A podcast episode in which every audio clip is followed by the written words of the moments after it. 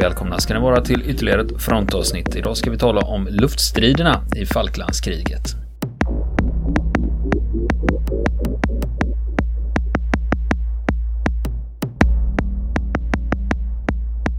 Och, och just det där med att vissa krig förknippas med vissa vapentyper. Ja.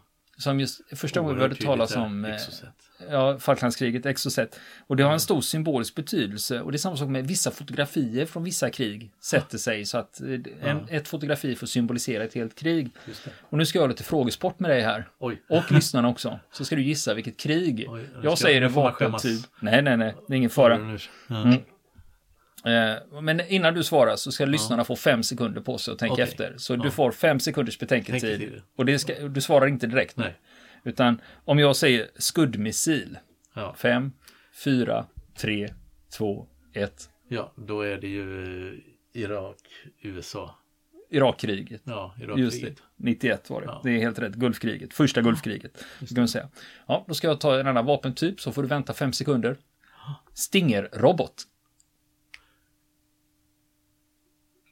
Får jag svara? Nu får du svara. Afghanistan. Ja. Om jag säger förkortningen IED. Ja. Nu kan du svara. Ja, då snackar vi Afghanistan.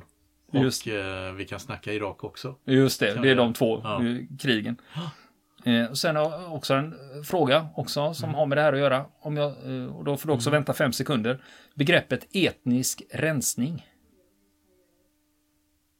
När hörde du det första gången? Nu kan du svara. Ja, det är mitten 90-talet. Forna Jugoslavien. Balkankrigen. Ja, precis. precis. Så ni märker att, eh, jag menar ni lyssnare, ni satte ju det här rakt av. Va? Det finns vissa saker man förknippar med vissa krig och det här med Exocet är ju ett sånt exempel. Då. Just det. Men nu ska vi tillbaka till Sydatlanten och eh, HMS Sheffield.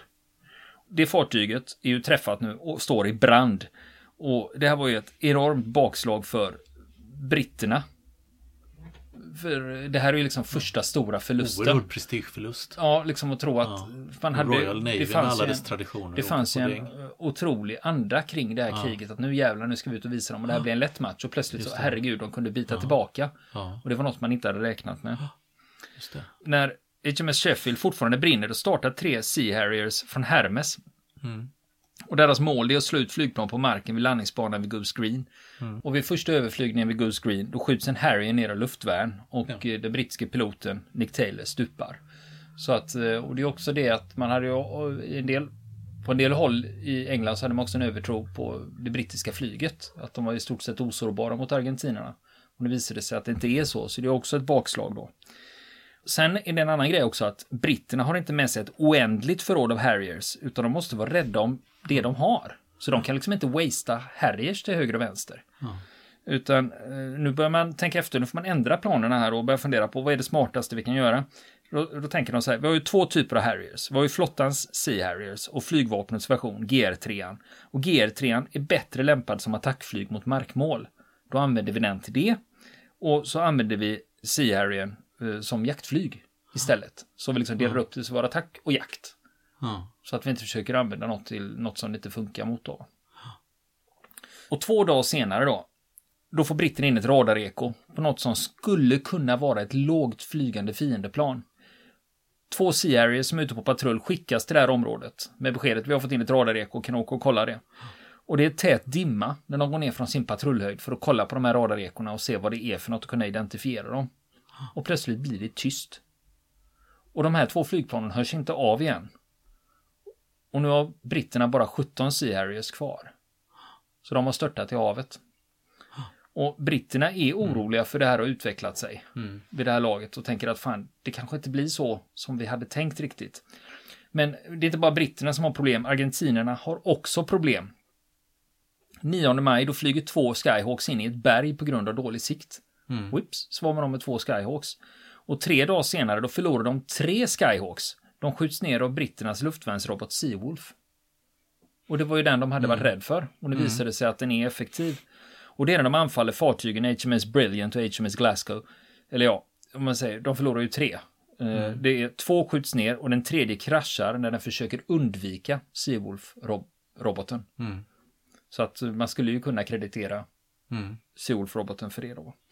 Och sen i nästa anfallsvåg som kommer, då har britterna inte hunnit ladda om robottuberna och en Skyhawk släpper två bomber som missar fartygen, men en annan Skyhawk lyckas träffa HMS Glasgow med en bomb. Men den detonerar inte. Den fortsätter tvärs genom hela skrovet och detonerar i havet. Mm. Rätt genom båten. Smäller i havet. Mm. Men piloten som utförde det här, han hann inte jubla över det här. Det var inte så att han kunde flyga hem och landa och måla ett brittiskt fartyg på sitt eh, flygplan. Mm. För han blir nedskjuten av eget luftvärn vid Goose Green. När han är på väg därifrån. Och då kommer vi till det här att, jag menar, här har argentinerna bevisligen fått in en fullträff med en bomb från en Skyhawk och så detonerar inte bomben. Mm. Och det berodde på att de här bomberna har ett armeringsavstånd. Alltså en, en tidsinställning helt enkelt. Det. Från det att de släpps till det att de träffar Ja. så behöver de släppas från minst 60 meters höjd. Mm. Och det är för att planen själva inte ska skadas när bomben detonerar. För är det ett lägre armeringsavstånd och bomben smäller då kan splittret skada flygplanet. Så det är en Just det. säkerhets...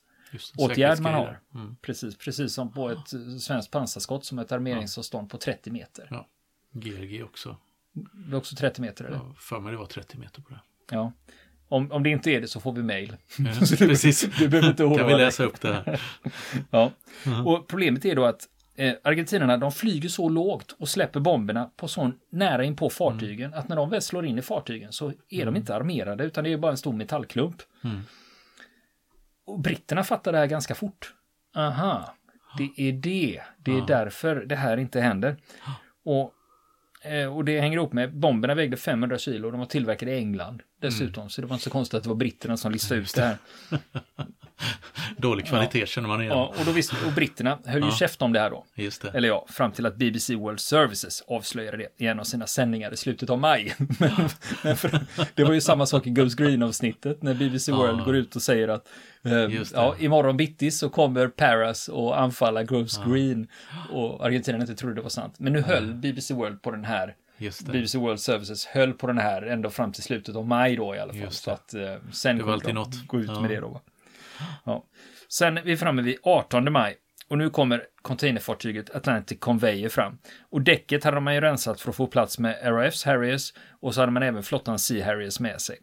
Men eftersom Harriers kan starta och landa vertikalt så går det alldeles utmärkt. Men de flyger över flygplanen till eh, britternas bägge hangarfartyg och stationerar dem där. För det är ju där man har underhåll och allting. Och, Just be- och beväpning och tankning och allting. Så Atlantic Conveyor använder man bara som transportfartyg. När de kommer dit då, eh, då säger eh, nu har krabborna kommit, säger flottans piloter. Smeknamnet krabbor, det är personal från RAF. De kallas för krabbor. Jaha. Och då kan man tycka, hur kommer det sig? Fan, då tillhör RAF. Vad har det med krabbor att göra? Det vore ju mer naturligt Ja. om det var något inom flottan eller Ja, någonting som hade med det att göra. Nej, det är så att det har med färgen på RAFs uniformer att göra. Det är samma blå nyans på något som kallas för krabbfett. Och krabbfett har du för att smörja in ankarkätting med. Ja, ja. Samma nyans som RAFs eh, uniformer. Nu kommer krabborna. Ja, nu kommer grabb. Ja. Och nu går kriget in i ett nytt skede här. För nu börjar det bli dags för landstigning och de har bestämt sig det ska ske vid San Carlos. Och det ligger inne i ett sund. Mm. Och britterna, de lägger sina fartyg inne i sundet. Och det är det här sundet som senare kommer att bli känt som Bomb Alley. Och dåligt väder, det hindrade argentinerna från att attackera landstigningen som sker den 21 maj. Och britterna hann då etablera ett brohuvud. Men när dimman sen lättar, Ja. då börjar anfallen in i vad som skulle bli Bomb Alley. Och först kommer sex daggers norrifrån och de siktar in sig på fartyget Antrim och de lyckas få in en träff med en bomb som inte detonerar. Mm. En av de som var med där, en argentinsk överste, Miguel Calejo, han var löjt, då var han överste sen när han berättade det här, vid det här tillfället var han löjtnant och skriver, då han säger så här, vi lyfter med 7500 liter bränsle och två bomber, i och med det så överskred vi maxlasten. Och första 18 15 minuterna körde vi på radionavigation och nästa 15 minuter kör vi på radar och efter det var det klocka och kompass. Ja, Så då går det back, det. back to basic. just det. Och generalmajor Horacio Mir Gonzales, han var kapten då, han berättade att de flög från baser i södra Argentina i Eldslandet. Han säger att vi flög i en timme, 45 eller 48 minuter till Falklandsöarna och sen gick vi ner till anfallshöjd. Sen tillbaks till baserna, det var det ytterligare 45 minuter och när vi landade så flög vi på ångorna. Det var ju precis att Ja, de nådde fram, han göra det de precis. skulle och så tillbaka. Då. Just. Och sen kom vi tillbaka till den här Pucara. Eh, Argentinerna, de hade ju tagit fram ett eget attackflygplan. Och det här var ju turboprop då. Och vi nämner ju dem i avsnittet om Good Screen, jag har nämnt dem tidigare här också. Och två Pucaras, de anfaller Ardent, fartyget då, men de slås tillbaka. Och ett brittiskt plan lägger sig bakom ett Pucara som flygs av major Juan Tomba, heter den här Pucara-piloten då. Och engelsmannen, han öppnar eld, han har 30 mm automatkanoner som han sätter i Pucaran. Och trots att Pucaran har en fiende i röven så fortsätter han att genomföra anfall mot de brittiska fartygen. Tre stycken. Så han, han liksom Nej. bara skiter i, fuck him, Ja. liksom. Skiter i att han har ett Det är- eh, flygplan bakom sig, utan bara, Ja. bara stenhårt. Kör, kör, fortsätter med sitt uppdrag. Shit. Men till slut då så blir han ju nedskjuten då. Och han, piloten, Tomba, han överlever det här. Han lyckas rädda sig. Och han tas sen till fånga vid Goose Green. Och britterna vill ha honom som tolk, han vägrar. Ja. Men sen när de väl börjar prata lite med honom och han förstår vilken hjältestatus han har hos britterna. Jaha. För att han hade ett, ett flygplan i röven Ja, och var under genom- anfall och ändå så genomför han Ja. tre egna anfall. När han fattar vilken hjältestatus han hade hos britterna, då tackar han ja till uppdraget. lite, lite smicker. Ja, precis. Lite smicker, ja. Och britterna var nöjda med hans eh, insats som tolk också då. Och sen har vi två Sea Harriers som upptäcker fyra Skyhawks som är på väg mot britternas skepp. Och de flyger mot argentinerna och det blir luftstrid. Två Skyhawks skjuts ner, men sen blir britterna tvungna att dra sig ur striden på grund av bränslebrist och flyga tillbaka. Men argentinerna, de ger sig inte. De fortsätter komma. Och en av de argentinska piloterna, Gonzales, han ingår i en grupp om fyra daggers. Ja, vi ska, kanske ska prata lite. En grupp, det är fyra Ja, just det. flygplan. Det. är en grupp, två är en rote. Och det. är de åtta eller, eh, sen har vi också division. Då är man Precis. åtta eller tolv, det Just det. varierar lite. Lite i olika Men- länder. Ja, precis. Han berättade så här. Vi kom in lågt, jag ledde gruppen och vi kom över en höjd och framför mig så ser jag 10 till 13 fregatter och transportskepp. Vad ska jag göra? Jag ser en fregatt, jag släpper en bomb och jag flög lågt mellan skeppen. Och just eh, den här gruppen så var det ett flygplan som blev nedskjutet då i Gonzales grupp. Ja. Och efter det så kommer sex Skyhawks in. Det är alltså konstant eh, tryck på Ja. britterna här. Va? Det är ingen, det. ingen rast och vila här. Och de här sex Skyhawksen, eh, de lyckas träffa fartyget Argonaut med två stycken 500 kilos bomber Ja. som inte exploderar. och britterna lyckas dessutom desarmera dem. Men även om de inte exploderar eller, de eller detonerar, är ju den korrekta termen då, eh, så blir det ju ändå stora skador. När du får något komma i den hastigheten som väger 500 kilo, Ja. det tror fan att det blir skador. Just det. Och Gonzales, som jag berättade nyss om, han som kom in med Precis. några daggers där, nu siktar de in sig på fartyget Ardent. Och då tar de den från en vinkel som gör att fartyget bara kan försvara sig med finkalibrig eld. Och argentinerna lyckas sätta en 500 kilos bomb i fartyget och sen ytterligare två bomber Ja. som inte detonerar dem heller. Och sen kommer en grupp Skyhawks som siktar in sig på Ardent och bro, brohuvudet. Och de sätter ytterligare två bomber i Ardent. Ja. Och de detonerar. Däremot. Och det gör de i anslutning till deras lilla hangar där och då förstör de en Western Lynx eh, helikopter. Det är en, eh, det är en eh, lätt transporthelikopter, ungefär som en Mm. Huey. Just det. Och sen anfaller tre Dagger fartyget Brilliant och det blir inga större skador på det. Och då kommer två Harriers till undsättning och så lyckas man skjuta ner tre argentinska plan i samband med det. Och britternas Ardent var ju väldigt, väldigt illa tilltygat. Och det ges av norrut mot Port Stanley på grund av de här svåra skadorna. Men det kommer mer. Tre Skyhawks ger sig på skeppet. När de är liksom linkar, på, linkar iväg då från eh, striderna då. Och deras 250 kilos bomber träffar och smäller av. I Ardent då. Och i just det här anfallet då stupar flera sjömän som håller på med släcknings och räddningsarbete på fartyget. För de var ju redan träffade. Ja. Så de vill ju på och fixa med det. Och då är det i samband med det som de stupar. Och när dagen är slut, då har 22 man på Ardent stupat. Och besättningen får in fartyget på grundare vatten, men morgonen därpå så sjunker fartyget ändå. Ja. Och sist av det är kapten Alan West. Mm. Han är den sista som lämnar fartyget då. Och för sina insatser så fick han Distinguished Service Cross. Sen gör han eh, lite comeback 20 år senare. Då blir han Storbritanniens första sjölord. Så han dyker upp sen igen. Det. Men efter det sista anfallet så Ja. blir de argentinska flygplanen förföljda av Harriers. Och alla argentinska A4 Skyhawks som deltog i det sista anfallet blir nedskjutna. Det. Så det är, det är, så, det är så konstanta förluster löpande hela tiden. Och nu är det så att argentinska flottan, de är lite oroliga för nu har de bara fyra stycken Skyhawks kvar. Och de gör ett sista anfall mot Bomb Valley innan de lämnar över till argentinska flygvapnet då. För hittills har det varit argentinska flottans flygplan som har skött eh, stridigheterna där i Bomb Men nu är de nästan nedkämpade. Ja. Och så här dags, om man ska se hur långt man har kommit här då, att Argentina de har förlorat fem Skyhawks, fem Daggers och två Pucaras. Det är tolv flygplan och, eh, och nio av dem sköts ner av Sea Harriers. Så det är ju där man kan se att hotet ligger då. Och så britterna de har förlorat en Harrier GR3 och två helikoptrar. Men eh, helikoptrarna de förlorades på marken så de blev inte nedskjutna. Och sen har vi ju det här med vädret i den här delen av världen. Ja. Eh, Britterna de försökte lösa tuffa väderförhållanden när det gällde underhåll av planet. Va? Ja. Underhåll, när de ska underhålla sina plan. Bland annat lägger de plastfolie på planens instrumentering för att det inte skulle bli skadat av saltvatten som stänker in. Och så använder de brödugnar på fartygen för att torka Sidewinder-robotar.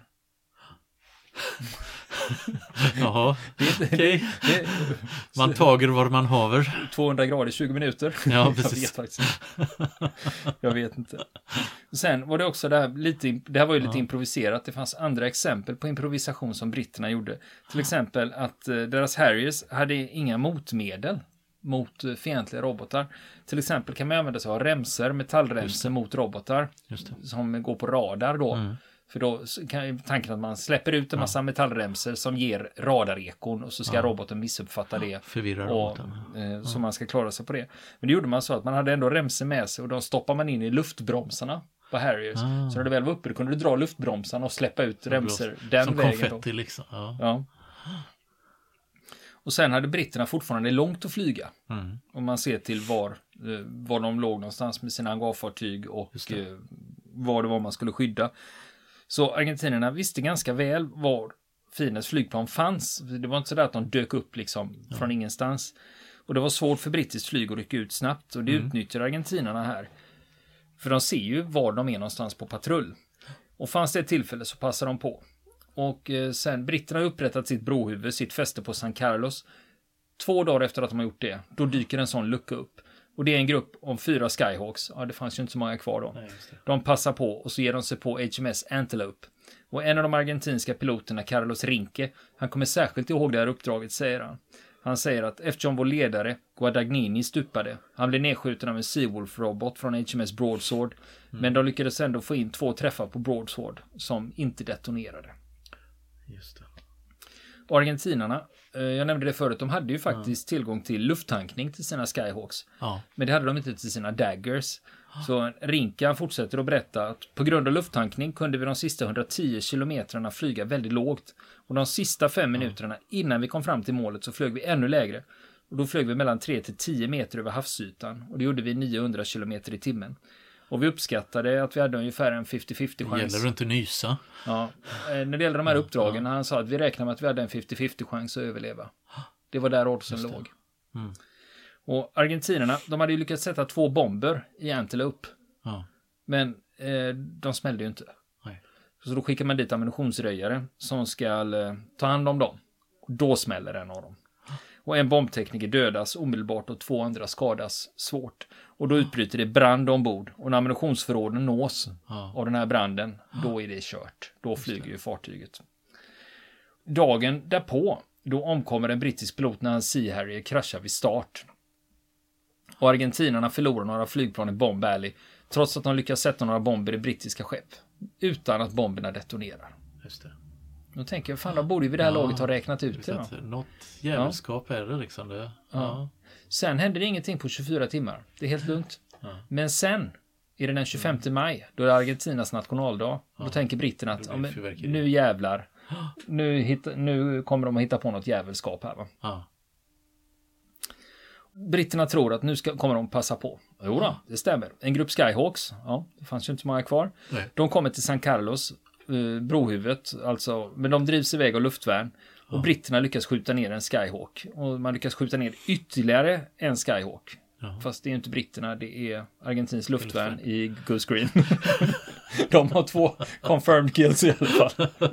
Tre med ett brittiskt plan också. Ja. Och sen, Ja. senare den dagen så skjuts en Skyhawk till ner av en Sea Dart-robot. Så det var... Ja. De gick åt i, De gick i, åt, ja. i väldigt hög Precis. takt. Nu har ändå argentinerna, jag berättade ju det vad flottan hade. Ja. Och sen har vi även flygvapnet. Mm. Eh, flygplan också. Just det. Just det. Och eh, för nu skickar man in sex ytterligare Skyhawks. Ja. Så var, de var inte slut, det fanns fler. Man skickar in sex Skyhawks in i leken. Två får vända på grund av tekniska problem, så de kommer inte fram. Och en roter, den ger sig på HMS Broadsword med fyra bomber. Men de missar. Men det, den andra roten, den ger sig på HMS Coventry. Och de lyckas sätta tre bomber. Alla detonerar. Ja. Så då är det fartyget helt kört och inom några minuter så kapsejsar det. Piloten Carlos Rinke, han säger att det var deras mest framgångsrika attack. Tycker han. För Han tycker vi attackerar med fyra flygplan och vi lyckades ta hem fyra flygplan. Ja. Och upp och sänka ett brittiskt fartyg, då har vi liksom... Det måste ju vara en total framgång. Det är total framgång, ja. Sen har vi det där med Exocet. Ja. Britterna är fortfarande rädda för Exocet-robotar och det har de all anledning att vara. Så britterna hade en plan hur man skulle lösa det här mot det här hotet. Att man skulle låta Westland Lynx-helikoptrar, de har ju nämnt, de här lätta transporthelikoptrarna, att de hovrar 30 meter över havsytan i hopp om att flygplanen, Exocet-robotarna, ska låsa på dem. För det är ju på så långa avstånd. Just det. Så då tänker de, men då låser de på dem och så skickar de iväg sina Exocet-robotar. Och eftersom helikoptrarna ligger på 30 meters höjd så kommer ju Ja. den kommer passera under Just det. helikoptrarna. Och inte göra någon skada och till slut så störtar den i havet. Just det. Så det var planen då. Och nu gör argentinerna ett anfall med två stycken Super Etendard beväpnade med Exocet. Mm. Och de kommer norrifrån på låg höjd och de går upp i höjd, får låsning på målet, avlossar sina robotar 30 kilometer från målen. 30 kilometer, de avfyrar dem och sen vänder de. Och det gör de för att de vill inte ha med Sea Harriers att göra. För de vet om att de har åkt på stryk så mycket nu så att vi, vi försöker hålla oss undan så mycket som går. Det. Och en av de här robotarna faller i havet och den andra fortsätter mot en grupp brittiska fartyg. Och det som britterna är mest rädda för, det är ju att deras hangarfartyg ska träffas. Just Det är det. ju det som är den stora skräcken då. Precis. Men, men här, och här har man lite tur i oturen, för roboten passerar hangarfartygen och låser på transportfartyget Atlantic Conveyor. Det. Det man hade haft för att skicka ner Harrison. Så den slår in i Ja. Atlantic Conveyor. Och det blir en fullträff på den här båten. För den är lastad med bränsle och ammunition. Ja. Så det blir en rejäl smäll och 12 man stupar Mm. av den här smällen. Men sen finns det uppgifter som diffar. Om det var en eller två Exocet-robotar som eh, slog in i Atlantic Conveyor. Ja. Eh, För, för det finns en uppgift då som säger att ja, men en av dem föll i havet och den andra träffade. Och sen finns det en uppgift som säger att två Exocet-robotar slog in i Atlantic Conveyor. Men det spelar ju egentligen ingen roll för resultatet blir ju detsamma. Va? Just det. Eh, Men innan, innan fartyget sjunker så genomför man en räddningsaktion. Och den första helikoptern som kommer dit, det är inte vem som helst som är pilot på den helikoptern. Det är Prins Andrew. Jaha. Prins Charles lillebrorsa alltså. Drottning. Elis, drottning, eh, Ja. drottning Elisabeths eh, son. Ja. Helt enkelt. Han var ju helikopterpilot i eh, brittiska flottan. Och eh, nu är det den här Atlantic Conveyor. Man tänker att men det var inget krigsfartyg, det var ju ett fraktfartyg. Ja, men det ställer till det rejält för britterna ändå. För det var lastat med materiel som britterna tänkte ha till markstrid. Just det. Och inte nog med det. Eh, man hade tre Chinook-helikoptrar, de här stora bananhelikoptrarna. Just det. Det fanns tre Chinook-helikoptrar ombord och de förstördes. Och man hade med sig fyra stycken ner och en var i luften vid tillfället men de andra tre var på fartyget så de rök då. Va? Just det. Men då hade man ju problem för man hade ju all reservmateriel, allt underhållsmateriel ombord på båten till den här Chinooken då. Just Den det. lyckades ändå använda den och genomföra några uppdrag med den ändå. Sen är vi framme vid den 2 juni. Då ska en Valken, en Avro Valken, de här gamla bombplanen från kalla kriget från 50-talet. Den ska slå ut luftvärnsradarn i Port Stanley. Och med sig har man en Shrike-robot, den är amerikansk. Och den är speciell för den låser in sig på radarkällor. Så någonting som sänder ut en radarsignal, den låser på den och åker tills den En träffar. antiradarrobot alltså. ja. Exakt. Och så när argentinerna slår på luftvärnsradarn, då söker sig roboten till just den radarmasten då. Det. Och det här uppdraget, det är framgångsrikt och radarn slår ut. Och britterna hade ju dessutom erfarenhet från Blackback, Blackback One, hur man flyger från Ascension Islands och tillbaka med det här mycket komplicerade lufttankningssystemet med massor av tankflygplan som tankar varandra och sen i slutändan tankar den valken då. Sen får de problem Ja. på just det här specifika flygplanet som har slagit ut radarn. För när de är på väg tillbaka till Ascension, de ska lufttankas flera gånger för att klara av det här. Eh, deras munstycke pajar till eh, tankningen då. Ah, så de kan inte lufttanka. Och då är så här, ha, vad är närmsta landningsbana som vi kan nå med det bränsle vi har? Mm. Om man är ute över Sydatlanten. Ja, då blev det Brasilien. För de hade en backup-order att om något händer så kan, jag, kan vi alltid ta er till, det finns ett flygfält i Brasiliens norra djungel. Och där kan ni landa i händelse av kris. Just det. Om ni råkar ut för något. Så ni har det som Ja. contingency. Heter väl det. Just det. Men då tänker besättningen så här. Men vänta lite nu här. Om vi kommer dit med vårat plan och eh, landar i en djungel. Ingen, det är en jävel vet om att vi är där. Ja. Säg att det blir några politiska komplikationer. Då kanske vi och planet försvinner. Ja. Det visste de inte vad som skulle hända. Nej. Utan då tänkte de så här, men om vi vänder på det istället. Så att det är viktigt att folk vet om att vi faktiskt har kommit och att vi har landat. Ja. Så att vi inte liksom råkar ut för något. Så då tänker de, då flyger vi till Rio de Janeiro då. Mm. Storstad. och det gör de. De flyger till flygplatsen i Rio de Janeiro och ropar och begär landningstillstånd och får det. Och de landar där och blir sittande inlåsta en vecka då. Det är ju så här, du kan inte komma med ett bombplan från något annat nation hur som helst och landa eh, utan anledning. Ja. Och de sitter inlåsta i en vecka. Ja. Eh, sen en natt då får de beskedet. Ta ert plan, tanka och stick. så då, då fick de flyga tillbaka till Ascension då. Och de lyckades faktiskt ta sig dit också. Sen kommer vi till, det finns ju alltid sådana här saker när man diskuterar saker som har hänt, att det finns olika versioner och en del saker förblir olösta. Ja. Och nu kommer vi till den här stora gåtan då. Och det eh, den diskuteras fortfarande på olika forum. Och det var, lyckades argentinarna sätta ett brittiskt hangarfartyg med en Exocet-robot och några bomber från några Skyhawks? Ja. För det finns en historia som säger att detta skedde. Man lyckades sätta ett engelskt hangarfartyg. Medan britterna förnekar att det överhuvudtaget har hänt. Och argentinarna påstår att vi gjorde Ja. det. Va? Och enligt argentinarna så gjorde de det och enligt britterna så har detta aldrig hänt då. Just det. Och den här är inte färdigdiskuterad, den här frågan. Och en av de argentinska piloterna som var med, han säger så här, att om vi nu, säg att vi nu inte träffade, Ja. kriget slutar i juni och det här fartyget, det kommer inte hem förrän i september. Juli, Just det. augusti, september, det är tre månader. Inte ens atomubåtar ute till havs så länge. Nej. Det måste ju finnas någon anledning. För annars skulle de ju bara segla hem och bli mottagna som hjältar direkt. Just det. Ja. Så han anar och ugglor va. Ja. Mm. Och den mest intressanta teorin eh, som florerar eh, Ja. det, det är att, eh, inte nog med att argentinarna skulle fått in en träff. Eh, Det här är på ett internetforum där den här frågan har diskuterats. Utan där är det en som påstår att nej, jag har säkra uppgifter på att eh, fartyget träffades och sjönk. Jaha. Sen eh, var det, byggde man ett nytt åt britterna i USA som var identiskt. Foliehatt.com. och, och det var färdigt i september och då kunde man segla till England då. Men det man inte nämnt tänker på det är om typ, eh, om det nu är bemannas av 1500 man som Ja. kanske skulle ha dött då eller, Ja, eller vad, hur gjorde man för att tysta alla Ja, 2000 precis. vittnena? Det så, det, det är sådana där små detaljer man brukar bortse ifrån i konspir- konspirationsteorier. Ja, precis. Men den vanligaste Ja. teorin är att britterna blev träffade av en Exocet och till och med några bomber av eh, några Skyhawks. Men att man sen eh, gjorde reparationer och sen höll käft om det. Va? Ja. Och eh, flygkriget, det fortsätter ändå. Och argentinerna, de anfaller med sex Daggers, åtta Skyhawks och två Mirage 3 mot britterna här. Och, och Daggers-planen, de ger sig på HMS Plymouth. De träffar med fyra bomber. Ingen detonerar. Och Carlos Rinke, som jag nämnde, han flyger Skyhawk. Han berättar att de gav sig på brittiska landstigningsfartyg. Och resultatet, det var 50 stupade britter och 57 sårade.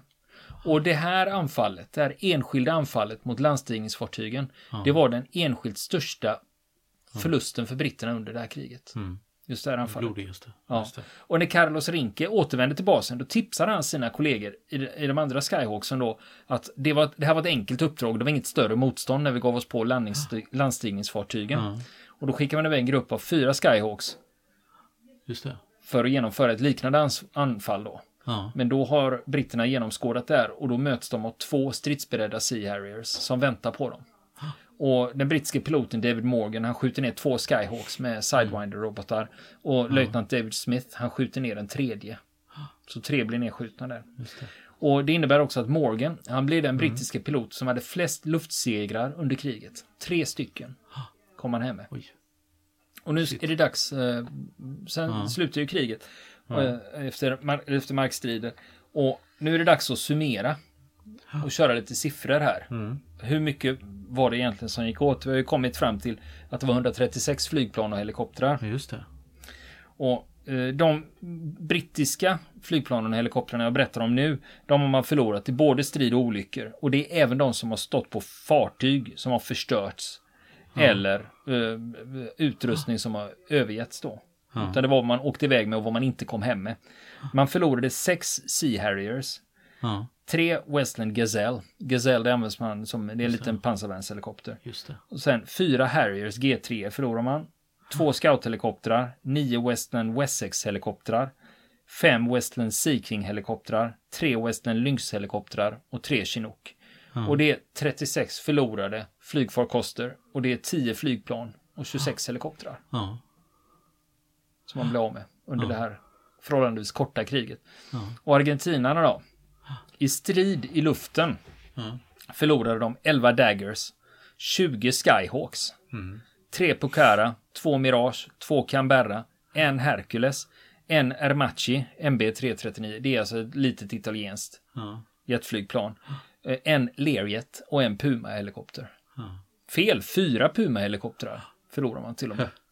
Och det var sådana som sköts ner från när de befann sig i luften. Och av de här så var det 21 som sköts ner av Sea Harriers. Så man skulle kunna säga att Sea Harriers är den stora segraren i den här, de här luftstriderna. Övriga som sköts ner det var luftvärnsrobotar från britterna eller argentinarna. Och luftvärnseld från fartyg, Sea Dart, Sea Wolf. Det är ju sådana eh, robotar som de använde. Och dessutom två av de här, eh, två, en helikopter och ett flygplan sköts ner av finkalibrig eld från marken av britterna. Oj. Mm. Så, så kan man också förlora. Ja, visst. Men eh, sen Ja. var det också det att eh, argentinarna förlorade en hel del av den utrustningen när den stod på marken. Bland annat förlorade man hela nio Pucaras. Mm. Och en, eh, en helikopter, en Augusta, en Chinook, två Puma-helikoptrar, fyra Beechcraft Mentor, det är ett litet plan, och två Skyvan och två UE-helikoptrar.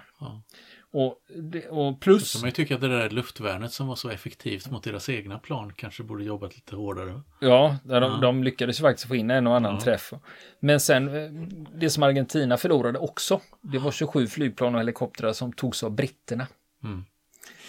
Och sex förlorades dessutom i flygolyckor. Så om man summerar det här så Argentina förlorar alltså 75 flygplan och 25 helikoptrar. Det. Det är 100 Betydande flygfarkoster. Ja, jämfört med 36 då mot eh, britterna då om man nu ska. det är rejäla Så- förluster. Ja. Och det som är intressant är ju mängden förluster på kort tid. Ja, För det är inte många månader som det här nej, pågår. precis. Precis. Så det kan man nästan göra en tidsaxel över när skulle argentinska flygvapnet ha slutat existera. Ja, för de hade ju ändå tio gånger så mycket Ja, jämfört med vad britterna hade med sig. just det. Precis. Det är spännande. Ja, vad, vad blir det i nästa Falklandsavsnitt då?